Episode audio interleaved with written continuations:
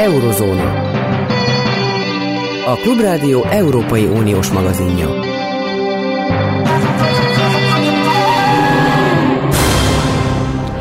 Jó napot kívánok! A Klubrádió mikrofonjánál Kárpáti János.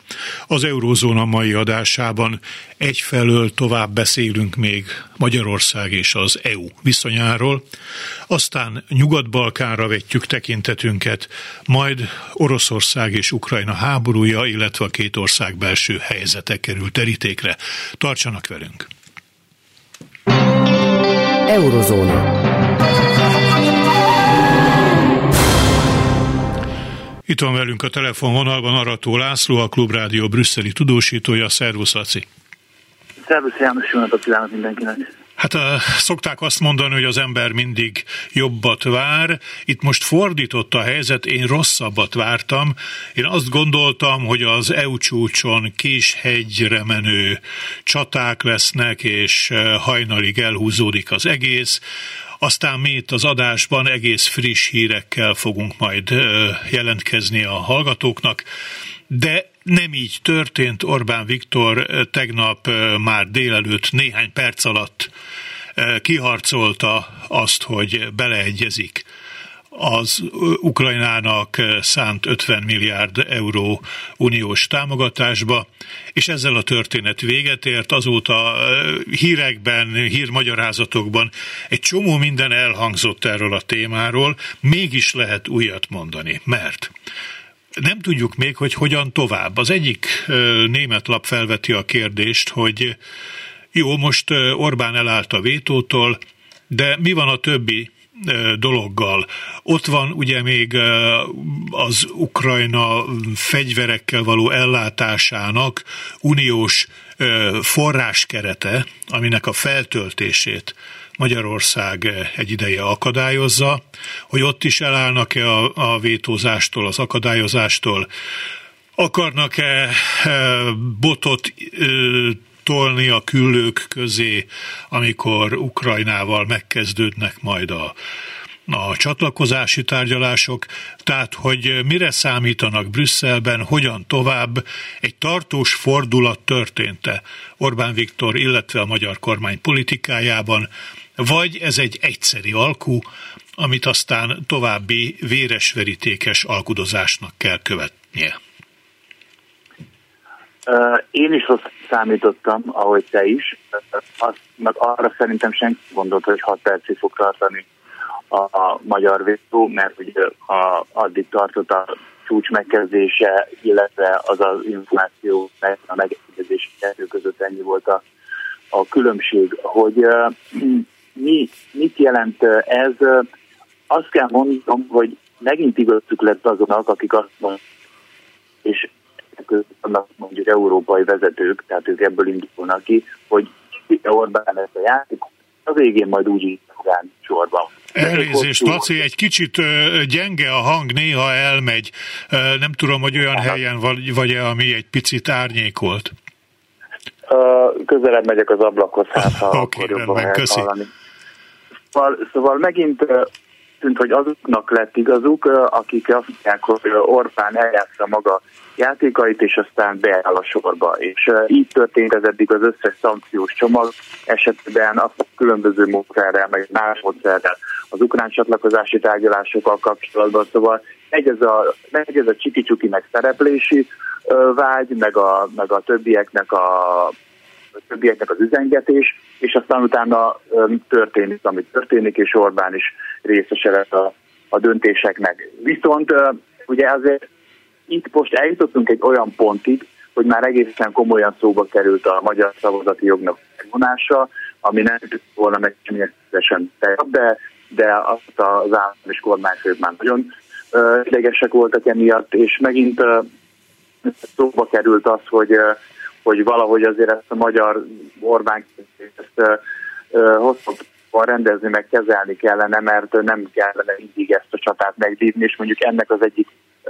egyik eredménye az, hogy a, a magyar követel is általán fogadták el, hogy itt legyen évenkénti felülvizsgálati lehetőség, pontosabban évente módosítsuk a költségvetést, és akkor így adjunk az ukránok pénzt a költségvetés módosításával, hogy ott megint mint egy lehetséges vétót alkalmaztatott volna a magyar miniszterelnök. Tehát amikor megvan a lehetőség a, a, a blokkolásra, akkor arra készülnek, hogy Orbán blokkolni fog, és ebből a szempontból mondjuk az ukrán csatlakozási tárgyalása kiváló terepet ennek, vagy az lesz, hiszen az nagyon sok lehetőség lesz a folyamat megakasztására, vagy, vagy pedig valamiféle támasztására. Összességében egyébként, amit Orbán látva térni, bár ugye azt mondja a miniszterelnök is, nemrég uh, Szijjártó Péter is azt mondta, hogy Brüsszelben minden célkitűzés teljesült, amit el akartak érni. Én azt gondolom, hogy semmi nem teljesült abból. Mondjuk nagyon nehéz is volt kihámozni így a hetek során, hogy mit akar a magyar kormány, mert hogy össze-vissza és egymást csak ellenmondó dolgokat vetettek fel, és ez nem csak nekem volt probléma, ez a kisebbik, a kisebbik baj, de itt az Európai Unióban is, Európai Bizottságnál is arra panaszkodtak, hogy nem tudják, hogy mit akarnak a magyarok, azt látják, hogy valamit nem akarnak, de nem mondják, hogy mit akarnak. És hát azért ez, ez jelentősen növelte a frusztrációt, és hát körülbelül ilyen beszámíthatatlan emberként írták le Orbán Viktort, aki a képes váratlan dolgokra. Erről, amit mondasz, hogy nem tudni, mit akar, eszembe jut az, hogy az Európai Uniónál is talán élesebben vetődik ez fel a NATO-ban, ahol ugye a, a, a svéd csatlakozás ügyében még mindig nincs előrelépés, holott már sikerült meghazudtolni önmagunkat, hogy nem leszünk az utolsók, akik ezt akadályozzák, utolsók vagyunk, továbbra is akadályozzuk. Van-e bármilyen jelzés Brüsszelben, európai vagy, vagy euróatlanti körökben arra nézve, hogy, hogy hogy kaptak-e bármilyen kézzelfogható fogódzót, hogy mi az, amit szeretnének a magyarok elérni, hogy akkor e, jóvá hagyják a, svéd csatlakozást. A NATO főtitkár azt mondta, azt hiszem múlt héten, hogy az ő neki tett ígéretek szerint február végéig fogja a magyar parlament ratifikálni a svéd csatlakozást.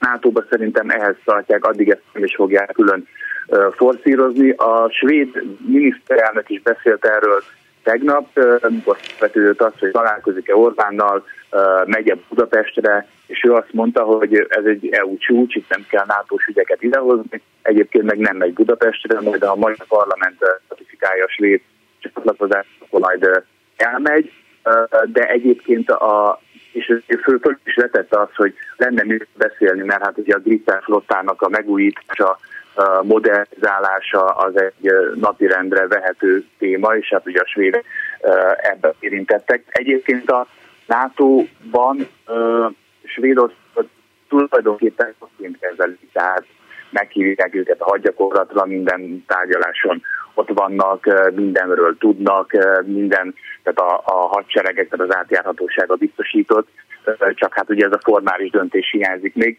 Azt mondta nemrég itt ma Brüsszelbe Szijjártó Péter, kicsit sértette, hogy hát azért, hogyha a svéd miniszterelnök ellenne Budapestre, Ankarba is, amikor de többet nem viszik el, és hát ez milyen dolog, hogy oda jár, meg, is mondták, azt mondta Szijjártó, hogy ez nem korrekt.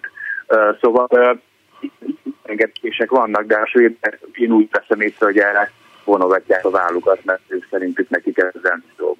Igen, tehát akkor végül is, amit a svéd miniszterelnök jelzett, hogy ő hajlandó tárgyalni Orbánnal, bár az EU, a NATO csatlakozásról nincs mit tárgyalni, lennének egyéb dolgok, el is menne Budapestre, de hát amúgy is találkoznak hamarabb az EU csúcson, de akkor ezt az EU csúcsot nem használták fel arra, hogy bármiféle kétoldalú külön megbeszélést folytassanak. Nem, nem volt ilyen, és ezt lehetett is tudni, hogy nem lesz, mert Nekem a svéd állandó képviseleten azt mondták eh, tegnap előtt, tehát a csúcs előtti napon, hogy nincs betervezve. Mhm. Tehát nem is, eh, nem is fordította erősen fel elfeszítést arra, hogy legyen egy ilyen megölásodó, megüzenték Budapestre is, hogy, hogy ezt most együtt igen. Eh, visszatérve az uniós kérdésekhez, ugye ott van ez a hetes cikkely szerinti eljárás, ami Damoklész kardjaként ott lebeg, csak éppen senki eh, nem sújtott le ezzel a karddal, mert eh, nem volt egyértelmű, hogy meg lenne a szükséges számú szavazat Magyarország elmarasztalásához. De ez a folyamat, ez tulajdonképpen két lépcsős. Tehát ahhoz kell csak a teljes egyetértés, hogy a végén, a legvégén kimondják azt, hogy valamiféle szankciót alkalmaznak a tagországgal szemben, például megvonják a, a szavazati jogát. Ezt megelőzi a szavazás arról, hogy súlyosan veszélyeztetve vannak-e az értékek, és ehhez csak négyötödös többségre van szükség. Láttam egy olyan vélekedést, ami arról szól, hogy ha a németek és a lengyelek meggyőzik a franciákat, a vonakodó franciákat, akkor tulajdonképpen ez a négyötödös többség összejöhet. Van-e értelme elindítani ezt a ezt a szankcionáló folyamatot Magyarországgal szemben, vagy új életet lehelni ebbe a folyamatba, úgyhogy a végcélhoz alig ha tudnak elérni, tehát a, a, a szavazati jog megvonáshoz, de ezt a köztes fázist meglépik. Nem, nem gondolom. Szerintem a, a hetes cikkely az, az nem egy működőképes dolog, vagy nem egy olyan út, amire tovább, amint tovább akarnak menni. Ráadásul itt az van, hogy ugye, amit te is említettél, az a második és a harmadik bekezdés, de mi most jelenleg az első bekezdésnél tartunk. Ez az első bekezdéses eljárás, ezt valahogy le kellene zárni, hát ez sincsen naprenden. És azt mondják, a, azt mondják a, az Európai Bizottságon belül, hogy ahhoz, hogy itt a hetesztikelje kapcsolatban további lépések történjenek, ahhoz, ahhoz jogállamisági ügyet kell előszedni. Tehát nagy rossz üzenete lenne annak, hogy hogyha az ukrán, uh, ukrán uh, támogatást nem hozná meg Magyarország, akkor a kezdetben felburulva elkezdenének szavazatot megvonogatni. Uh, mert, hogy, mert hogy nem erről szól. Tehát a hetes cikkely uh, jogállamisági ügyekre reagált, tehát arról kell beszélni egy eljárásban, nem pedig egy ilyen mondjuk politikai, vagy stratégiai, vagy gazdasági uh, uniós döntésről, ahol tulajdonképpen mondjuk a jogának, mert elvileg megtehet, még hogyha, még hogyha nagyon rosszul is veszi ki magát, és nagyon rossz az üzenete. Szóval én azt gondolom, hogy nem a, nem a hetes cikkeljel akarják Magyarországot ö, ö, ö, nyomás alá helyezni, vagy nyomás alatt tartani, hanem úgy gondolják, hogy a források befagyasztása, ugye mindig 21,5 milliárd euró be van fagyasztva, és nem is látszódik, hogy az ki akarna onnan fagyasztóni, szóval hogy ez, ez ennek elegendőnek kellene lennie ahhoz, hogy valamiféle nyomást tudjanak a kormányra gyakorolni, bár hangsúlyozva az, hogy az ügyeket nem szabad összekeverni, tehát attól, hogy most Orbán végül is beállt a sorba, attól nem került közelebb egy centel sem a forrásokhoz. A tagállamok szerintem, amikor arról döntöttek, hogy legyen egy ilyen mechanizmus, egy jogállamisági mechanizmus, és ennek az egésznek a megjelését rábízták a bizottságra, akkor, mert nagyon nagy hatásköre van ebbe a bizottságnak, akkor, akkor eldöntik azt, hogy ezzel a magyar ügyel foglalkozunk inkább a bizottság. Nem akarunk ezzel itt napi szinten problémázni, hanem majd ott a, az Európai Bizottság ö, ö, jogszabályoknak megfelelően ezt az egészet lemenetseli. Az Európai Bíróság elmondta már, hogy ez egy jogszerű eljárás, ezt lehet alkalmazni, és nem, nem akarunk politikai szinten ezzel állandóan foglalkozni. Persze két, kétségtelen, hogy, hogy időnként vissza, visszaköszön. A, leginkább az Európai Parlament részéről, aki ugye a kívül áll nagy a nyomás a hetes cikkének a talazitelére, de én szerintem a tagállamok óckodnak ettől. A budapesti belga nagykövet, ugye Belgium adja most a soros elnökséget, ez a nagykövet azt mondta, hogy az elnökség alatt terveznek meghallgatást ennek a hetes cikkelyes eljárásnak a keretében, de hát korábbi elnökségek is tartottak meghallgatást. Mit lehet várni egy ilyen meghallgatástól? Panaszáradat, aztán mindenki megy haza? Valóban meghallgatások időnként vannak, mondjuk egy-egy elnökség alatt egy-egy. Uh, itt uh, ugye amikor elindult öt évvel ezelőtt ez az egész uh, hetes cikk szerinti eljárás, akkor volt egy lista, hogy mi a probléma Magyarországgal az a lista azóta folyamatosan bővül. Tehát olyan szempontból nem unalmasak ezek a meghallgatások, nem mindig ugyanarról van szó, de mindig van valami új tám, új, új táv, támpont, ami alapján lehet Magyarországról beszélni, és nem kell a korábbiakat előhozni. Ami egyébként, és ez is belga forrás, a belga külügyminiszter mondta, ami probléma lehet, az az, hogy ugye ez a hetes cikkely szerinti eljárás itt napi renden lévő dolog a magyar elnökségnek a napi dolgokat kezelni kell valamilyen módon, de hogy elnökölhet úgy Magyarország egy tanácsülést, a, mondjuk a hetes cikkelje kapcsolatban, hogy ő az alanya ennek az eljárásnak. Tehát ez biztos, hogy nem fér össze. Én azt gondolom, hogy itt lesz némi mozgás még, és, és itt lehet még olyan, olyan döntés, hogy uh, ilyen jogállamiségben Magyarország nem elnökölhet bár akkor sem, hogyha ő lesz a, ő adja a soros elnökséget, hanem azt valamelyik másik, akár a soron következő, vagy a előző elnökségnek napi rendi pontot át kell adni, mert ez, ez nem fér össze, tehát ez nem fér az eljárásba, hogy egy ilyen, ilyen kérdésben Magyarország elnökként saját magával szemben járjon el. Igen, hát a diplomaták ezt megoldják, van az elnökségi trió, úgyhogy itt tágtere nyílik a, a fantáziának, hogy hogyan lehet megoldani ezt, hogy nem Magyarország elnököljön a róla szóló vitában.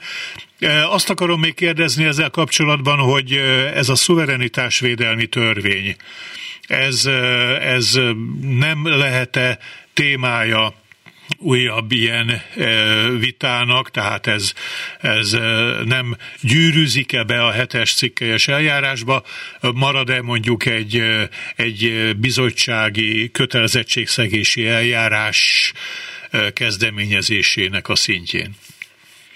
Hogyha eljutunk odáig, addig, és mondjuk addig még van idő, mert júniusban lesz ez a meghallgatás, Európai Bizottság, amely tanulmányozza a jogszabályt, kötelezettségszegési eljárást indít, akkor biztos, hogy be fog kerülni ebbe a diszkurzusba, mert hogy, mert hogy az azért már valami, tehát az már egy konkrét dolog, az egy, az egy jogi indokkal támasztott eljárás, amiben azt mondja az Európai Bizottság, hogy uniós jogot sért Magyarország, az ilyeneket beszokták minden esetben a tagállamok elé, és egyszerű terepe egy ilyen hetes cikkelyes meghallgatás. Erre mondom azt, hogy ugye indulnak, indulnak új eljárások Magyarországgal szemben, zárul is le, érnek véget az Európai Bíróságon valamennyi. Tehát ennek az Európai Bizottságnak a mandátuma alatt az összes ilyen jogállamisággal, demokráciával, kisebbségi jogokkal kapcsolatos perc a magyar kormány elbukta, és kiderült róla, hogy, hogy az uniós joggal szembe megy. Tehát az Európai Bizottságnak van ebben gyakorlata, hogy a magyar jogszabályok hogyan kell összevetni az uniós joggal. Szóval, hogyha eljut odáig, és erősen valószínűnek tartom, hogy tehát az ő nem fog múlni, mert, mert azért ennyi időt egy szabályvizsgálatát le tudnak, le tudnak zárni, akkor biztos, hogy kerülne a tagállamok elé védelmi törvény. Van az embernek egy olyan érzése, hogy az Európai Unió jogelvekre hivatkozva ugyan nagyon sokszor hangosan felemeli a szavát. Azzal szemben, ami Magyarországon történik, de igazán kemény következményei ennek csak azóta kezdenek lenni, hogy Oroszország megtámadta Ukrajnát, Európa és a nyugat Ukrajna segítségére siet, vagy próbál sietni, és az már az ő tevékenységüket is zavarja, hogyha Magyarország akadályozza ezt a segítségnyújtást.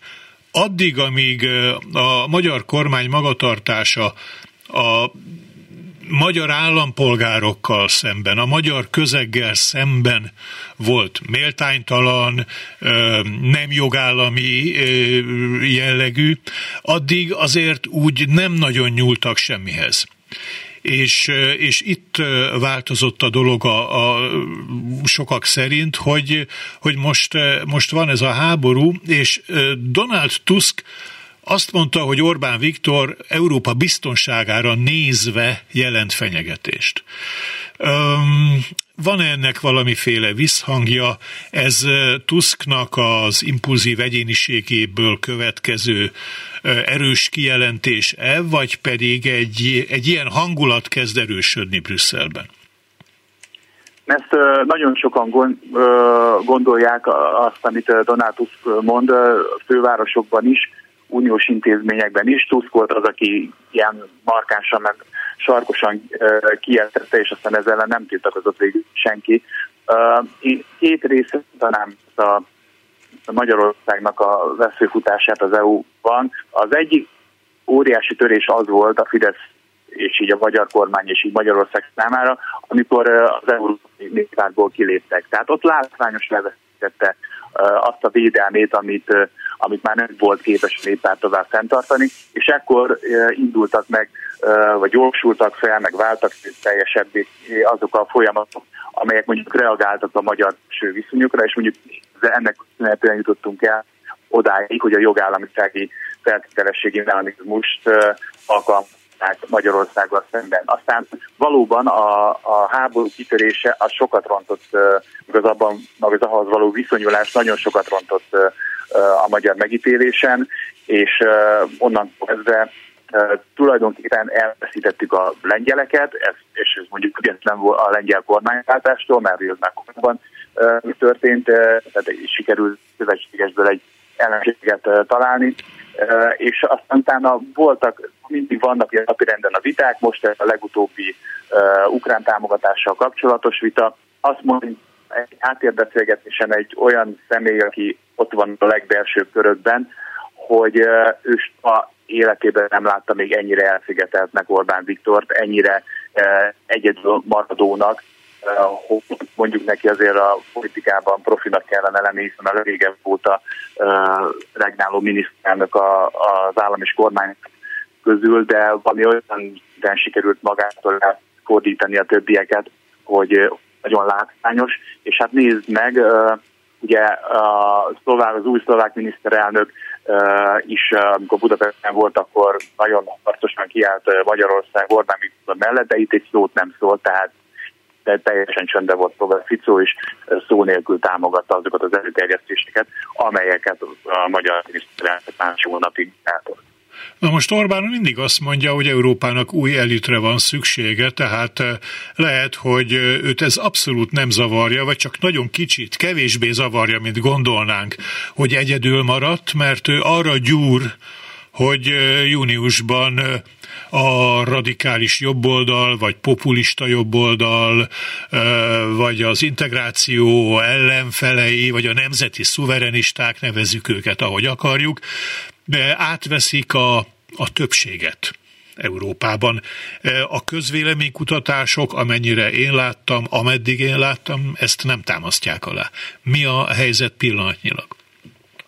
Valóban nem. Itt ugye lesz egy, tehát lesz egy EP választás. Az EP választásnak eredményeképpen lesz 720 régi új vagy parlamenti képviselő, meg egy új állású európai parlament. Önmagában ez a tény Európa irányításában semmilyen fordulatot nem fog hozni, mert hogy ugye az Európai Parlament egy társjogalkotó intézmény, és ettől még nem lesznek új állam és kormányfők, meg nem lesznek új kormányok, hogy jobboldali akármilyen győző lenne, attól nem lenne az is kormány jobboldali. Tehát ezek a személyek, akik most vannak, ezek fognak majd az Európai Tanács elnökéről javaslatot tenni az Európai elnökére, tehát itt nem ez a választás nem tud fordítani semmiféle uh, semmiféle európai folyamatokat, itt, itt fizikai vagy fogalmilag semmiféle európai jobb oldalat legyen.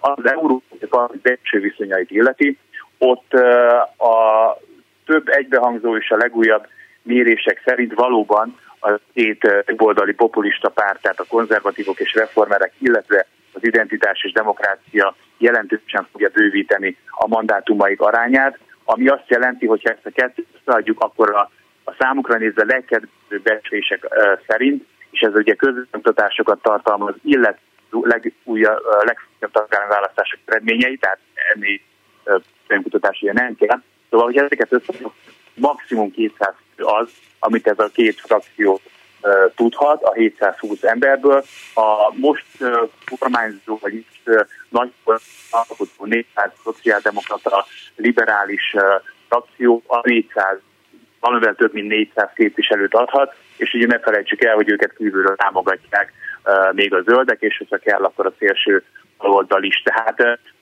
ha pusztán ezeket a számokat nézed, akkor ez a 200 semmire nem elég, tehát ezzel nem tudsz megakadályozni az égvilágon semmilyen döntés. Nyilván európai parlamenti alelnöki helyekre, jó bizottsági posztokra, jó felszólalási időt nőni fognak, de azt gyorsan jegyező, hogy nincs értelme összeadni ennek a frakcióknak számát, mert nem fognak egy frakcióban lenni, mert hogy a entitás és demokráciában vannak olyan pártok, elsősorban a német ASD, amivel a konzervatívok egyáltalán nem akarnak többséget vállalni, és túl számukra, hogy közös képviselőcsoportot alkotnak. Tehát ez így pusztán matematika, de, de ennek mondom, nincs értelmeket összeadni, úgyhogy marad fog majd két ellenző frakció, amelyek több, tehát több képviselővel fognak rendelkezni, de magában nem fognak tudni elérni semmit.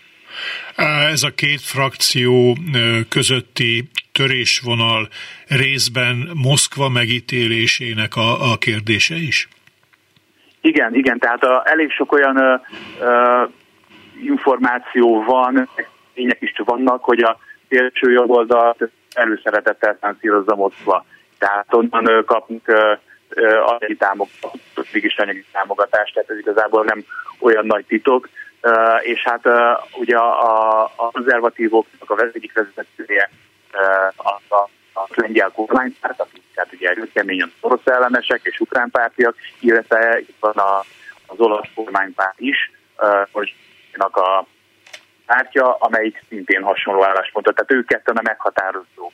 Uh, most ugye ebből a szempontból két, hogy a Fidesz hova tud becsatlakozni, a jelenlegi Ukrajna politikával nem valószínű, hogy a konzervatívokhoz tudnék, hogyha akarna így, bár én azt gondolom, hogy nem véletlen, hogy a Merkel győzködte Orbánt, és végül sikeresen győzte meg. Nem tartom kizárnak, hogy van egy olyan háttér alkú, hogy engedje el a Fidesz elnöke ezt az Ukrajna dolgot, és akkor több esélye lesz ahhoz, hogy a konzervatívokhoz csatlakoz. A szélsőbb oldalhoz már holnap, vagy már ma beléphetne a Fidesz oldal, már karokkal várják őket.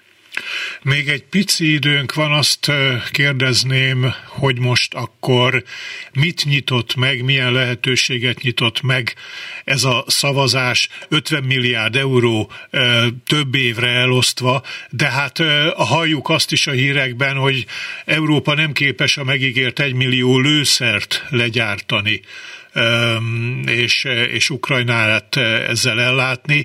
Tehát a, a háborúban mennyire tudja most Európa segíteni Ukrajnát, mennyire segítette ki a helyzetet ez a mostani szavazás? Valóban ez a pénz, ez nem felette ukrán állam működésére szükséges összeget, de mondjuk annak egy jelentős százalékát. Viszont ez azért volt fontos, mert így módon, hogy Európa egységes maradt, az nem csak jó volt Kievnek, meg nem csak üzenet volt Moszkvának, hanem egy volt Washingtonnak is, amely, ahol ugye szintén viták vannak az, hogy folytatódunk a támogatásra. Ha szétesett volna ez az európai Orbán Viktor, lettek volna ezek a kormányközi megállapodások Ukrajnával, ami nem tudni, hogy eddig tartott, és egy bizonytalan dolog lett volna, bizonytalanságból szült volna, akkor ez nem segítette volna amikor sem abban, hogy a támogatásokkal odálljanak, mert akkor mondhatják, hogy hát az európaiak csinálják, akkor mi miért csináljuk egyedül. Szóval ennek, ennek azért van jelentősége. A másik az az, a fegyverszállítás, ugye márciusra ígértek egy millió lőszert az ukránoknak, ezt valószínűleg nem sikerült teljesíteni, az európai uh, fegyveripar a vártnál nehezebben uh, föl, viszont viszont ez napjában van ez a téma.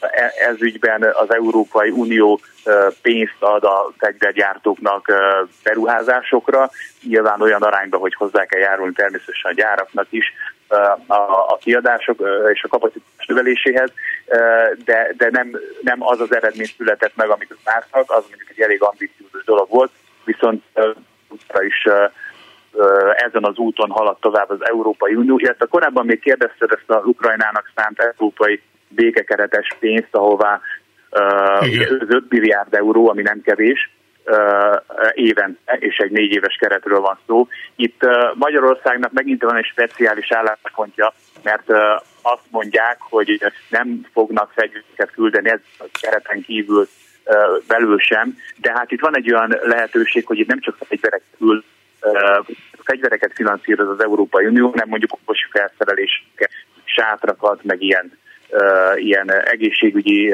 alapellátásra szükséges dolgokat, és hogyha azt mondja Magyarország, hogy a mi pénzünk menjen abba, és akkor a többiek pénzek meg fegyverre, akkor, ez, akkor ezzel ki van húzva a dolog mére. Én azt gondolom, hogy ez ilyen fajta megoldás lesz ebből. Nagyon szépen köszönöm, eddig jutottunk Arató Lászlóval, a téma kimeríthetetlennek látszik, folyt köv. Szervusz, legjobbakat! Minden jót kívánok, köszönöm. Eurozóna.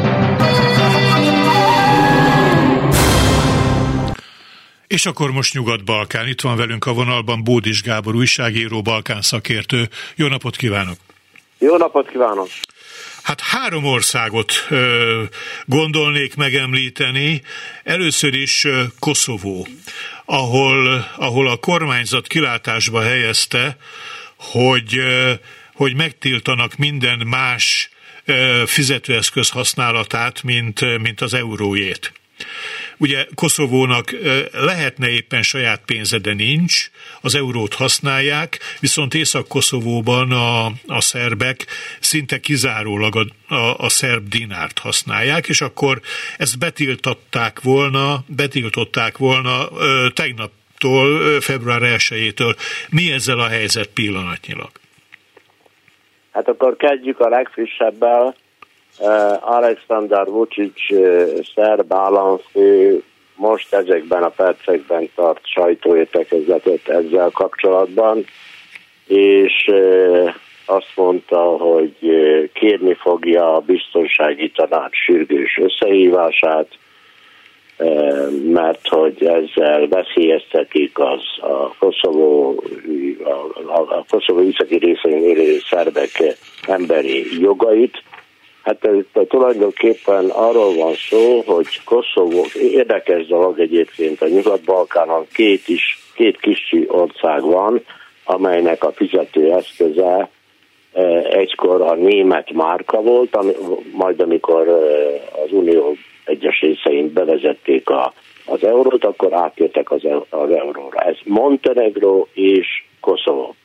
Koszovónak egy része kivétel ez alól, mert párhuzamos intézmények, szerb intézmények léteznek, hiszen Szerbia tudva lévő nem ismeri el Koszovó önállóságát Szerbia saját területének tekinti, alkotmányában is, meg a politikusi gondolataikban is, és a, úgy látszik a koszovói miniszterelnök Albin Kurti úgy mérte fel, hogy az ellenfele a szerb elnök nemzetközi pozíciója igencsak megingott az utóbbi időben.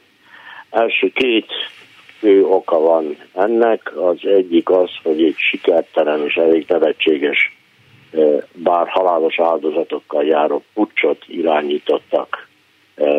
Hát írásban nincs meg, hogy Belgrádból, de másképp elképzelhetetlen tehát egy pucsot, ahol a, legmodernebb felszereléssel a fegyveres szerbek próbáltak, nem tudjuk, hogy mit.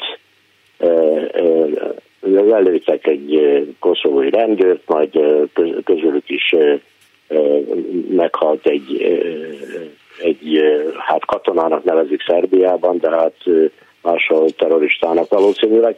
Ez az egyik is, ez, ez minden jelárulta, hogy Belgrádba irányították. Ez az egyik másikra, hogy nem régen decemberben választások voltak Szerbiában, és hát, hát ez még a, a holdról is látszik, hogy, hogy nagyon súlyos, súlyos szabálytalanságok történtek.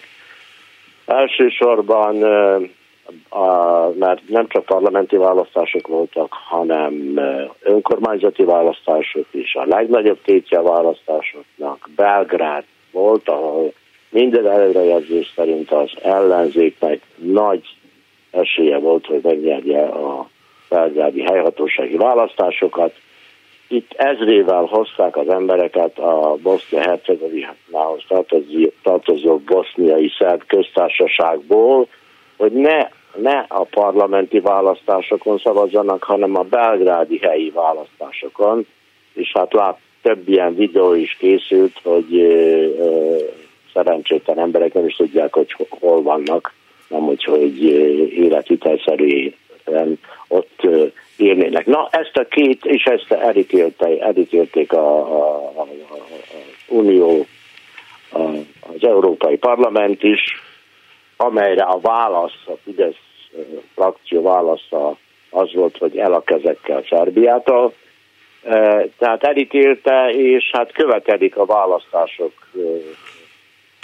választások folyamatának komoly kivizsgálását, és addig nem ismerik el, főleg a belgrádi helyhatósági választások eredményeit. Egyébként az még nem is alakult meg a új belgrádi hatalom, tehát kivárnak Vucicsék ezzel. Ezt a körülményt használta ki, gondolom én, a, a, koszovói miniszterelnök Albin Kurti, aki a radikalizmusban azért vetekszik a szerb államfővel, hogy bevezesse az ország egész területén az euró kizárólagos használatát. Ez annyit jelent, hogy körülbelül 90 ezer koszovói szerbet érint a dinár használata, illetve hát körülbelül 30 ezeren dolgoznak, és dinárban kapják a fizetésüket 30 ezer a nyugdíjas, és 30 ezer körülbelül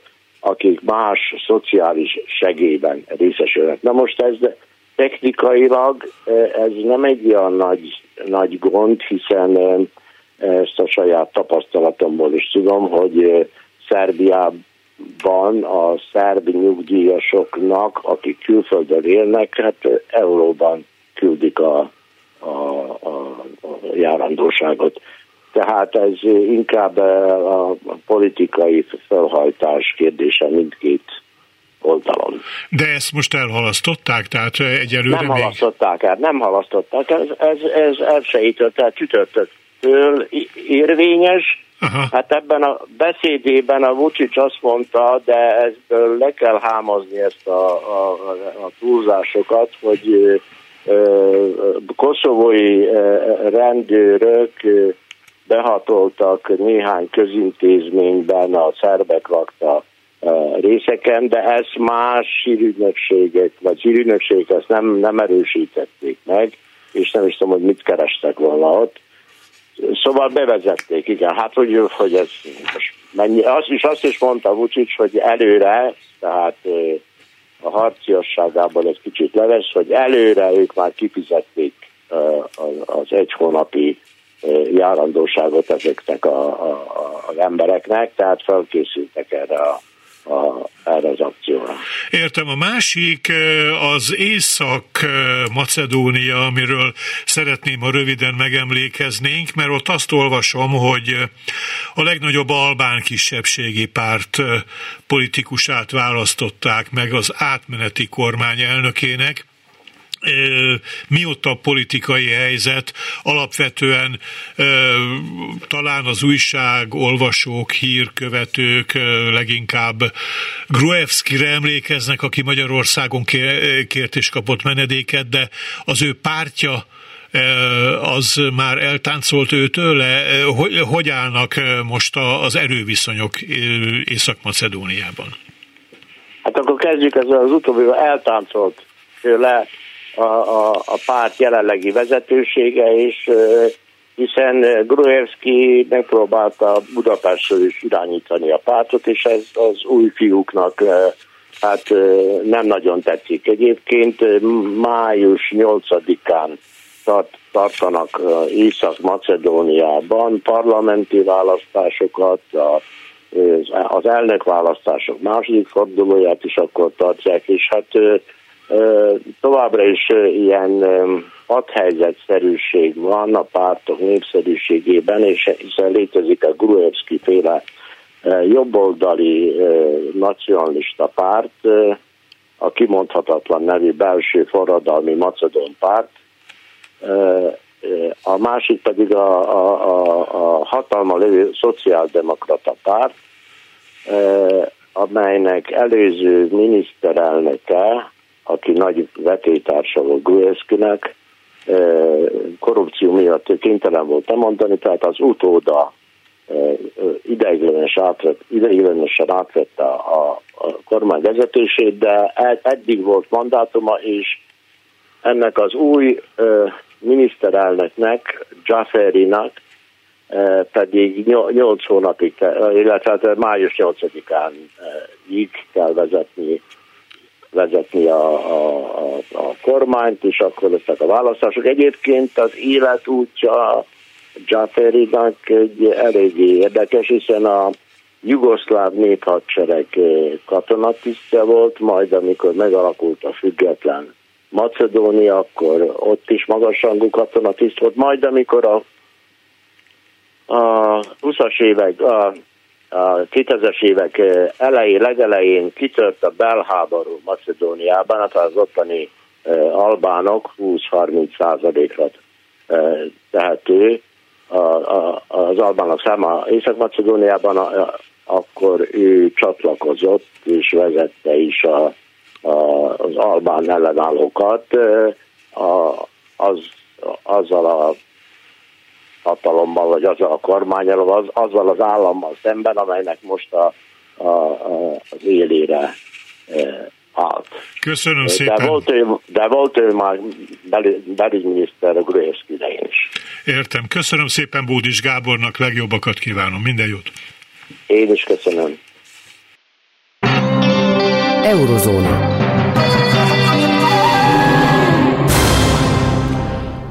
Hátralevő negyed órában pedig Dunai Pál egyetemi oktató, biztonságpolitikai szakértő van itt velünk a vonalban. Jó napot kívánok! Jó napot kívánok! Hát Oroszország, Ukrajna.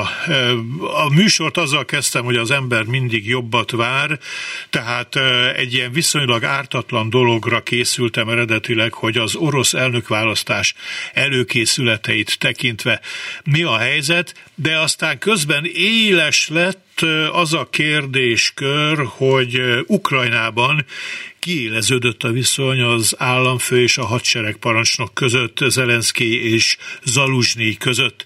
Mi a pillanatnyi helyzet? A legfrissebb, amit én láttam, még abból nem is lehetett megállapítani, hogy most akkor leváltotta Zelenszky a hadsereg főparancsnokát, vagy nem váltotta le?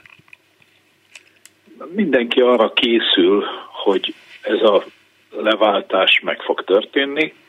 Egyelőre nem történt meg, itt van egy nagyon nehéz politikai választás.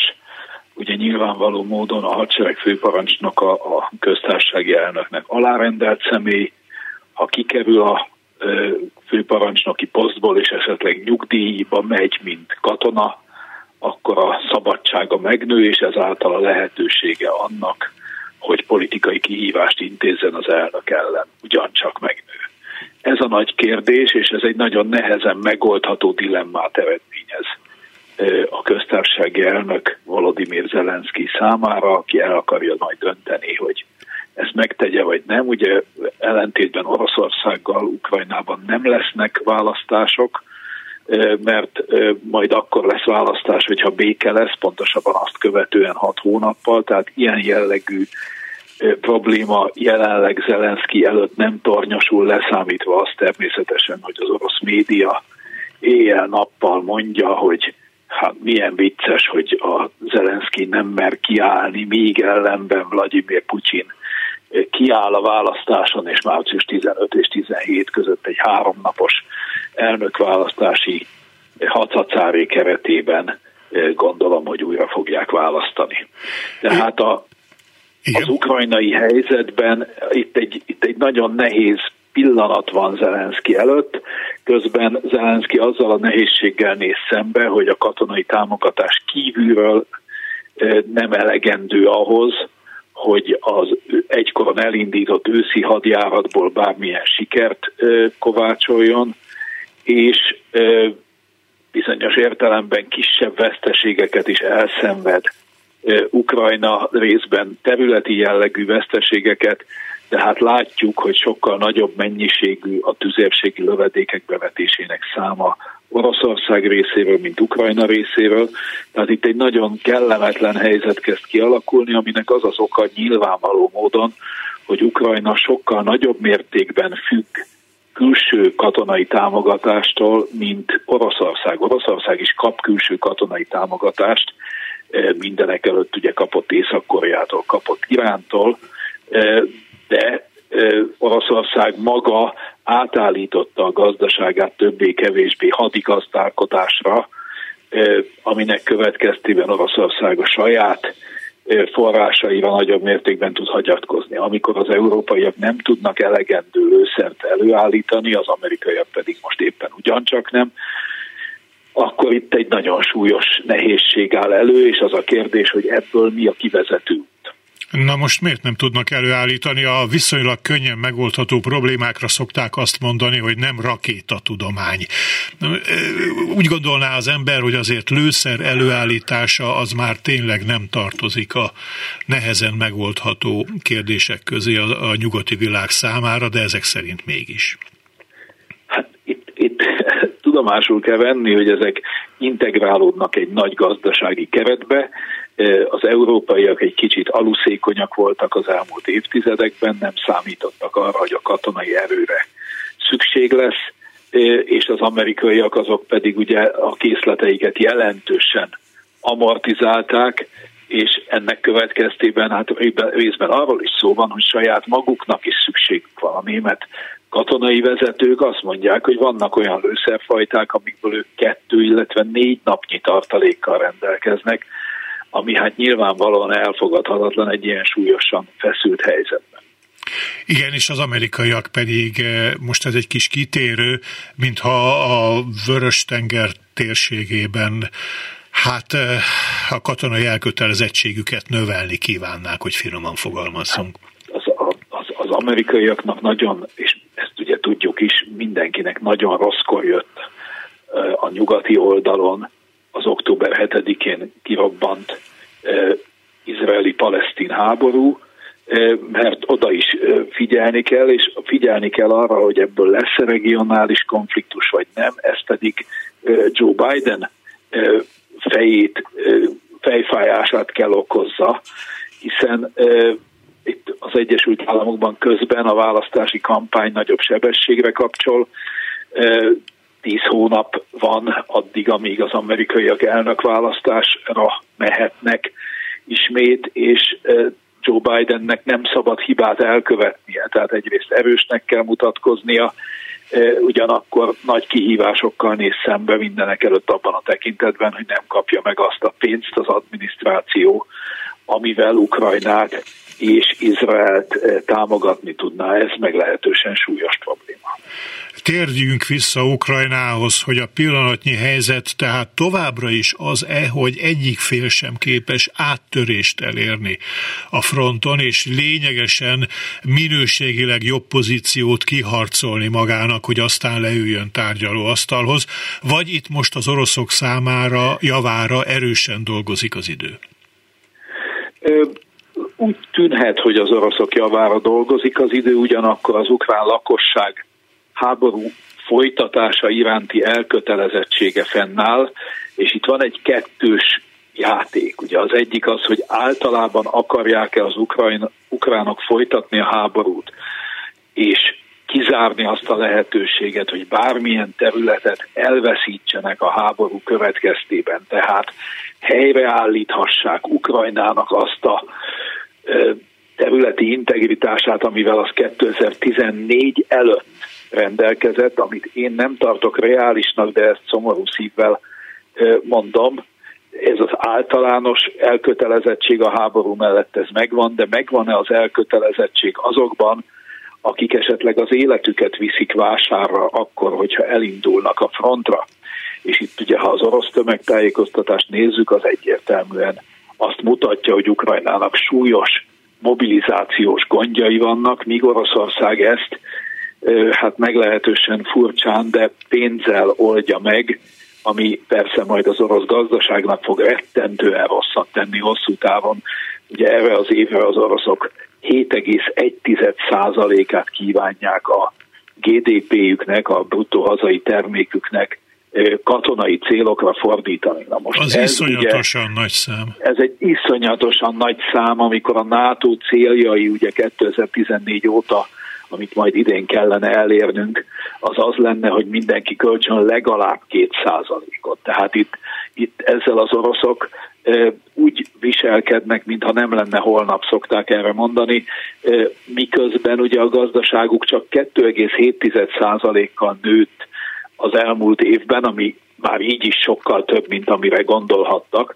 Tehát itt az oroszok is másként viszik be magukat a súrű sötét erdőbe, de igazából azt lehet mondani, hogy itt van egy padhelyzet, kicsi lépések előre-hátra, egy-egy falu elfoglalása, az nem, nem jelent semmit, inkább csak propaganda eh, hatása van a felekre és az orosz belpolitikai helyzetről, hát ugye volt egy ilyen ö, vélekedés a kezdetén, hogy amikor majd érkeznek haza a koporsók, amikor a nyugati szankciók éreztetni kezdik a hatásukat, akkor az orosz közvéleményben elindul egy erjedés, akár Putyin hatalma is megrendülhet, ebből úgy nem nagyon látunk semmit.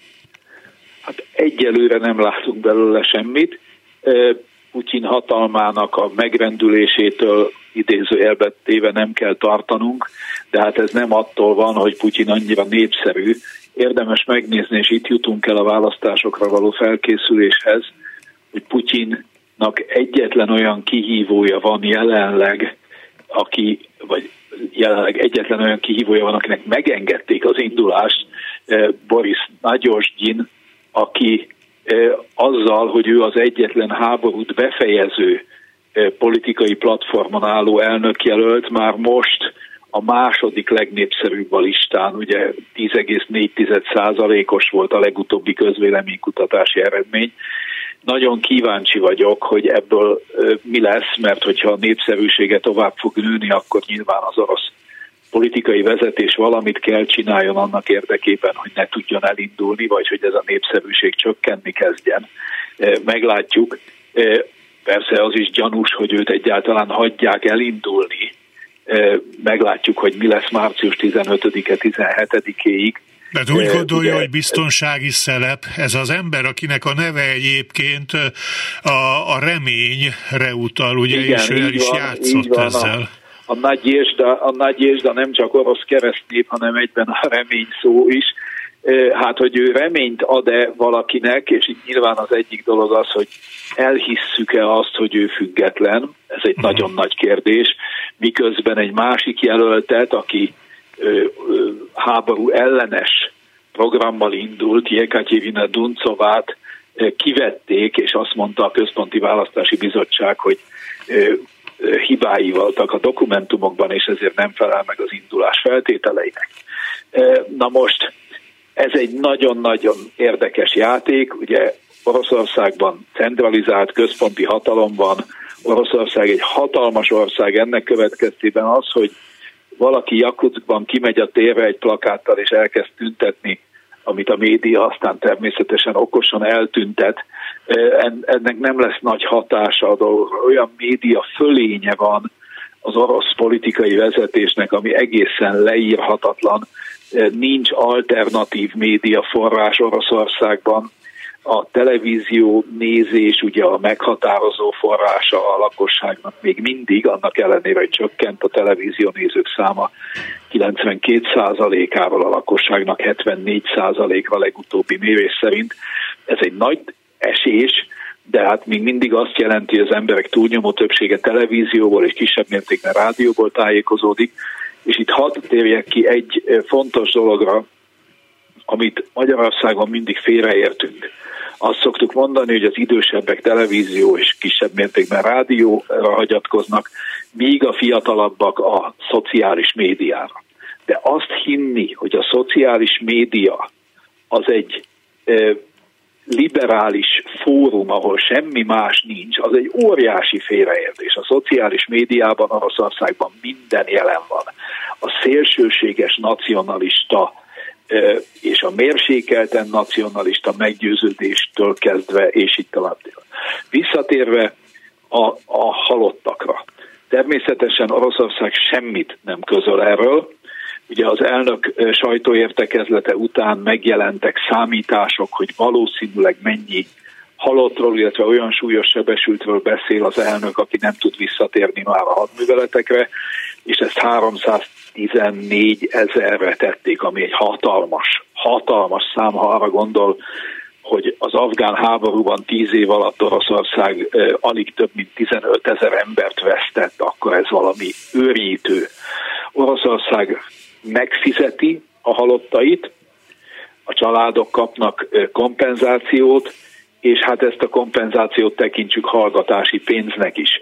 Ma már a helyi televíziók sem szólnak áldozatokról. Régebben csak a központi televízióban nem szerepeltek. Én két orosz tévécsatornát rendszeresen nézek, helyi tévécsatornát, a Vastok 24-et, ami az ország keleti részébe sugároz, és egy Krasznojárszki csatornát nincs szó áldozatokról. A háború első egy évében még lehetett hallani, hogy nem voltak érzelmileg telített képek, de lehetett hallani azt, hogy valaki a régióból meghalt, hátrahagyott két gyermeket, feleséget, stb. stb. Teljes csend van. És ezt nagyon gondosan betartják, és közben folyamatosan szigorodnak azok a szabályok, amelyekkel Oroszország megakadályozza azt, hogy bárki kibeszéljen, bárki negatív híreket terjesszen a háborúról. Ezért nagyon-nagyon nehéz megítélni azt, hogy mi a valós lakossági hangulat. De inkább azt merném mondani, hogy a lakossági hangulat részben patriotikus a média hatására, részben apatikus. Nagyon sokan úgy döntöttek, hogy ezzel ők nem akarnak foglalkozni, mert úgysem tudnak vele mit csinálni. Világos. Élik az életüket, és kimaradnak ebből a konfliktusból, szerintem bizonyos értelemben emocionálisan érzelmi is. Nagyon szépen köszönöm Dunai Pálnak ezt a e, tájékoztatást. Minden jót kívánok, viszont hallásra. Hasonlóképpen köszönöm szépen, minden jót. Eurozóna. Szerkesztő Bencsik Gyula, a telefonnál közreműködő Simon Erika, és a hangtechnikus Túri Lui nevében is búcsúzik a műsorvezető Kárpáti János. Önök a Klubrádió Európai Uniós magazinját hallották.